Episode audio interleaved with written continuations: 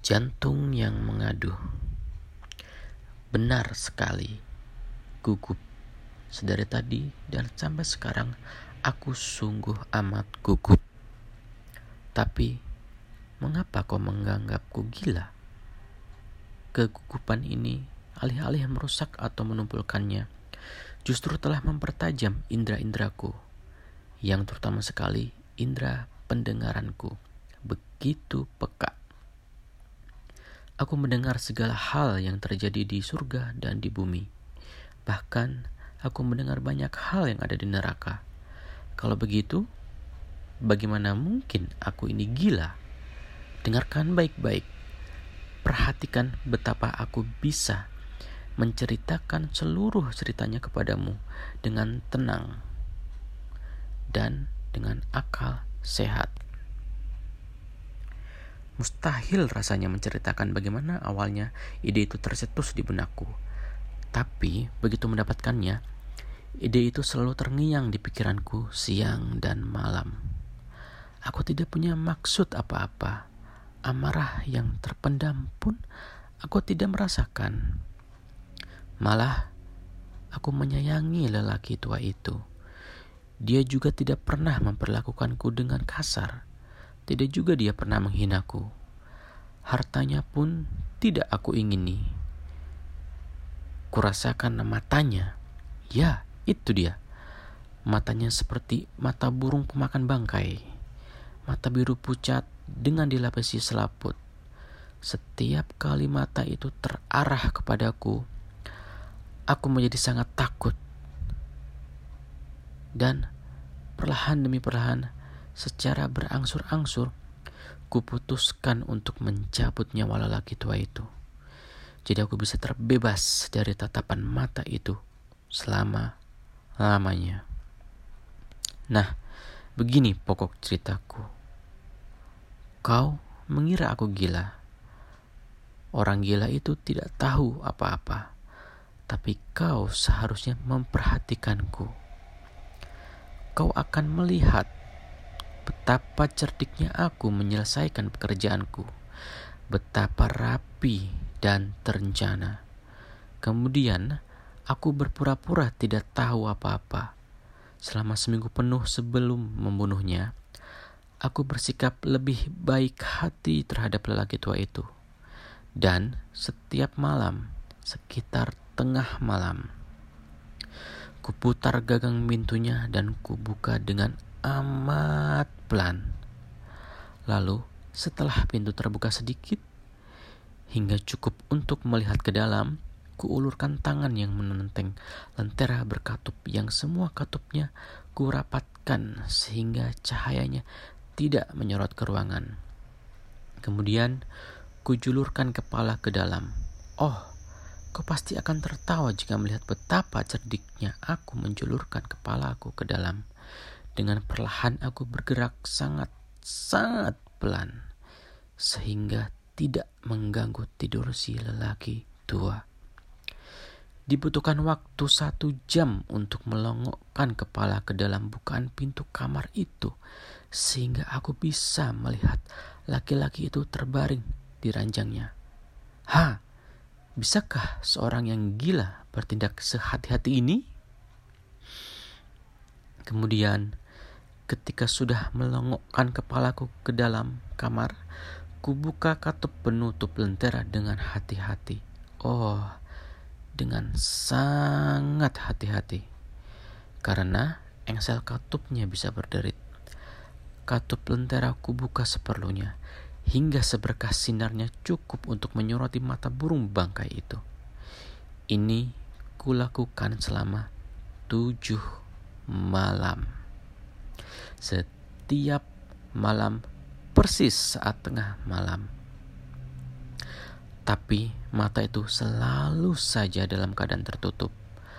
Kalau matanya tertutup, mustahil aku bisa membunuhnya karena bukan sosok lelaki tua itu yang membuatku jengkel, tapi mata jahatnya. Dan setiap pagi ketika fajar menyingsing, aku dengan berani masuk ke kamar dan berbicara kepadanya dengan santai. memanggil namanya dengan nada ramah, dan menanyakan bagaimana tidurnya semalam. Karena itulah kau lihat dia pasti lelaki tua yang sangat cerdas. Kalau sampai bisa mencurigai bahwa setiap malam persis jam 12 aku mengamatinya saat dia tertidur. Pada malam ke-8, aku lebih berhati-hati saat membuka pintu kamar laki tua itu. Gerakanku sungguh amat pelan. Aku baru menyadari betapa hebatnya diriku ini. Betapa cerdiknya aku ini. Aku nyaris tidak bisa mengendalikan perasaan gembira ini. Coba bayangkan, aku di sini membuka pintu kamarnya sedikit demi sedikit dan dia bahkan tidak mencurigai tindakan atau pikiran rahasiaku. Aku tertawa kecil membayangkannya. Mungkin dia mendengar tawaku, karena dia tiba-tiba bergeser di ranjangnya, seakan terkejut. Kau mungkin mengira aku akan bergerak mundur, tapi tidak.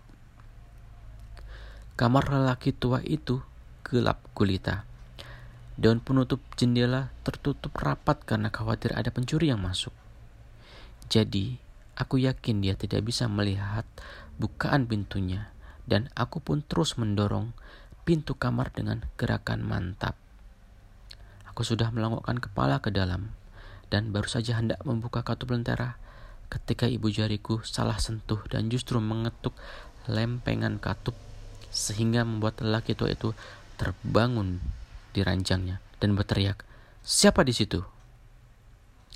Aku tetap diam dan tidak menjawab. Selama sejam penuh aku tidak bergerak sedikit pun. Sementara itu, tidak kudengar lelaki tua itu berbaring lagi. Dia masih saja duduk di ranjangnya seraya menyimak persis yang kulakukan malam demi malam sambil mendengarkan suara kumbang kayu yang mengetuk-ngetuk di dinding. Sekarang Ku dengar suara erangan lemah dan aku tahu erangan ini disebabkan rasa takut yang luar biasa. Bukan erangan sakit atau sedih. Oh, sama sekali bukan. Ini suara cekikan tertahan yang muncul dari dasar jiwa saat dipenuhi rasa teror mengerikan. Aku kenal betul suara itu. Setiap malam, persis tengah malam, ketika dunia tertidur lelap, suara itu meluap dari jiwaku dengan gema yang menakutkan, perasaan teror yang menggelisahkan. Sudah kukatakan, aku kenal betul suara ini. Aku tahu apa yang dirasakan si laki tua itu. Dan ketik karena itu, aku merasa kasihan padanya. Meski aku tertawa dalam hati, ku tahu dia kini terjaga sejak kali pertama dikejutkan gaduh pelan ketika dia bergeser di ranjangnya ketakutannya kian bertambah. Dia terus mencoba memikirkan semua ini yang biasa. Tapi percuma saja. Dia terus berkata kepada diri sendiri, itu hanya angin yang masuk ke dalam cerobong asap. Itu hanya seorang tikus, seekor tikus yang berjalan di lantai. Atau itu cuma suara jangkrik yang mengerik. Ya, dia berusaha menenangkan dirinya dengan dugaan-dugaan ini. Tapi semuanya sia-sia belaka. Percuma karena maut yang datang mendekat telah mengikuti si lelaki tua dengan bayangan gelapnya dan menyelubungi korban-korbannya. Pengaruh suram dari bayang-bayang yang tak terlihat inilah yang membuatnya merasa meski dia tidak melihat ataupun mendengar merasakan kehadiranku di dalam kamar itu. Sewaktu aku sudah menunggu begitu lama, dengan sangat sabar, tanpa mendengar lelaki tua itu terbaring tidur, kuputuskan untuk membuka sedikit, sangat sedikit katup lentera. Kau tidak bisa membayangkan betapa aku membukanya dengan diam-diam, sampai akhirnya secercah sinar bagai benang laba-laba tersorot dari celah di lentera dan menyoroti mata burung bangga itu. Mata itu terbuka, terbuka lebar, dan aku menjadi berang saat menatapnya. Aku melihat mata itu dengan sangat jelas, warna biru pucat itu dengan dilapisi selaput mengerikan yang membuatku merasa sungguh amat takut. Tapi aku tidak melihat bagian lain dari wajah atau sosok si laki tua karena aku telah mengarahkan sinar lentera seolah dengan refleks tepat ke mata terkutuk itu. Bukankah tadi sudah kukatakan bahwa dugaanmu yang keliru tentang kegilaanku itu sebenarnya hanyalah ketajaman indera yang terlalu kuat? Nah, sekarang di telengku terdengar suara cepat yang rendah dan samar-samar seperti suara jam saat diredam dalam bantal. Aku juga mengenal betul suara itu. Suara itu berasal dari denyut jantung si lelaki tua. Denyut jantung itu meluapkan amarahku bagai tabuhan drum yang membangkitkan keberanian dalam diri. Meskipun begitu, aku menahan diri dan tetap diam. Aku menahan napas. Kupegang erat lentera sehingga tidak bergoyang-goyang. Ku coba sebisa mungkin tetap mengarahkan sinar ke mata itu. Saat itu, tabuhan mengerikan dari jantungnya terdengar menguat. Detaknya kian cepat dan tepat, dan suaranya makin keras. Ketakutan lelaki tua itu pasti sudah memuncak. Detaknya bertambah keras, lebih kencang setiap saat. Kau perhatikan baik-baik apa yang tadi kukatakan kalau aku ini gugup. Aku memang gugup. Dan sekarang di malam buta ini, di tengah kesunyian rumah tua itu, betapa anehnya suara seperti ini justru membuatku bergairah sekaligus takut setengah mati. Tapi selama beberapa menit lebih lama, aku menahan diri dan berkeming. Detak itu kian kencang dan kencang. Sampai kukira jantungku itu bisa saja meledak. Sekarang kegelisahan lain menyergapku. Suara itu bisa saja terdengar oleh seorang tetangga. Ajal si lelaki tua sudah tiba. Dengan teriakan keras, kubuka lebar-lebar katup lentera sehingga pancarannya terang benderang dan aku melompat ke dalam kamar. Dia memekik sekali, hanya sekali. Aku segera menyeretnya ke lantai dan menarik ranjang berat itu hingga menimpanya. Lalu aku tersenyum gembira karena pekerjaanku sudah selesai. Tapi selama beberapa menit jantung itu masih berdenyut dengan suara yang teredam. Namun suara itu tidak membuatku kesal Suara itu tidak akan terdengar menembus dinding. Akhirnya detaknya berhenti. Lelaki tua itu mati. Kuangkat ranjangnya dan kuperiksa mayatnya. Ya, dia benar-benar sudah mati. Ku taruh telapak tanganku di atas dadanya selama beberapa menit. Tidak ada denyutan lagi. Dia memang sudah mati. Matanya tidak akan lagi menggangguku. Jika kau masih menganggapku gila, kau akan berpikir berbeda saat aku menjelaskan tindakan pencegahan yang kulakukan untuk menyambut untuk menyembunyikan mayat itu. Mayat itu. Malam mulai menjelang pagi dan aku bekerja dengan tergesa-gesa tapi dalam diam. Pertama-tama aku potong-potong mayat itu. Kupotong kepala, lengan, dan kaki. Lalu kuangkat tiga papan kayu dari lantai kamar. Dan Kusimpan semua potongan itu di sela-sela penyangga. Dengan cerdik ku ganti papan-papan itu sehingga mata manusia mana pun tidak bisa. Mata laki tua itu pun tidak bisa mengetahui perbedaannya. Tidak ada yang perlu dibersihkan, tidak ada noda apa pun, tidak ada bercak darah sedikit pun. Aku sudah bersikap dengan hati-hati terhadap masalah ini. Pak Madi sudah menampung semuanya. Haha. Sewaktu itu, aku mengakhiri pekerjaan-pekerjaan ini. Jam menunjukkan pukul 4 pagi, suasananya masih gelap seperti tengah malam. Ketika lonceng jam memperdengarkan dentangnya, ada ketukan pintu. Aku menuruni tangga dan membuka pintu dengan tenang karena apalagi yang sekarang harus kutakutkan. Masuklah tiga lelaki yang memperkenalkan diri mereka dengan sikap sangat sopan. Sebagai petugas kepolisian, ternyata ada seorang tetangga yang mendengar cerita malam itu. Si tetangga mencurigai sesuatu yang buruk telah terjadi sehingga melaporkan kecurigaannya ke kantor polisi. Maka mereka ditugaskan untuk memeriksa tempat ini. Aku tersenyum karena apa lagi yang mesti kutakutkan.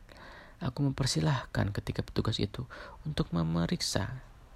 Jeritan itu, ujarku, adalah jeritanku sendiri karena bermimpi buruk. Si lelaki tua, kataku, sedang pergi ke pedesaan. Kuajak semua tamuku mengelilingi rumah. Kupersilahkan mereka memeriksa dengan baik. Akhirnya ku arahkan mereka ke kamar si lelaki tua. Kutunjukkan kepada mereka harta benda si lelaki tua aman dan tidak tersisa sedikit pun. Dengan semangat, bawa tiga kursi ke depan kamar. Dan ke dalam kamar dan meminta mereka untuk beristirahat melepas lelah di sini.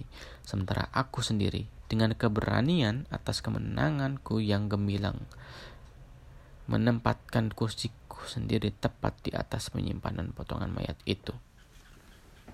Para petugas itu pun merasa puas Sikapku telah meyakinkan mereka.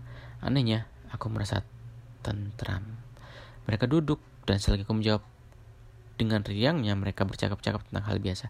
Tapi tak lama kemudian aku merasa diriku memucat dan ingin mereka pergi. Kepalaku pening. Dan aku membayangkan ada bunyi dering di telingaku. Tapi para polisi itu tetap duduk dan masih mengobrol. Bunyi dering yang terdengar lebih jelas.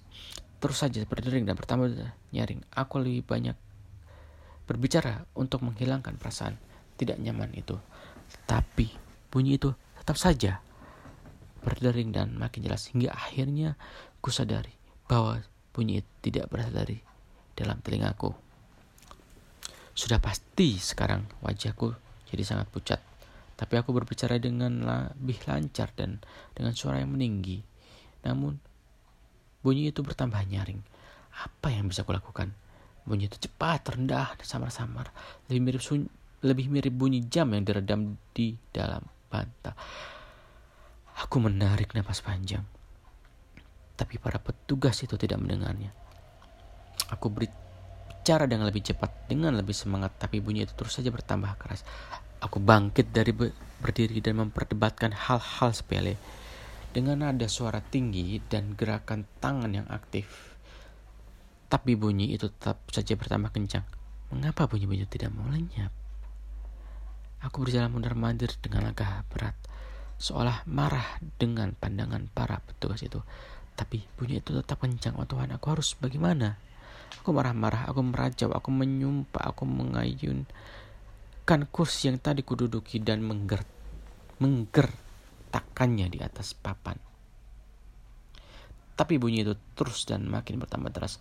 Bunyinya terdengar lebih kencang, lebih nyaring, lebih lantang. Dan para polisi itu tetap saja bercakap-cakap dengan santai dan tersenyum.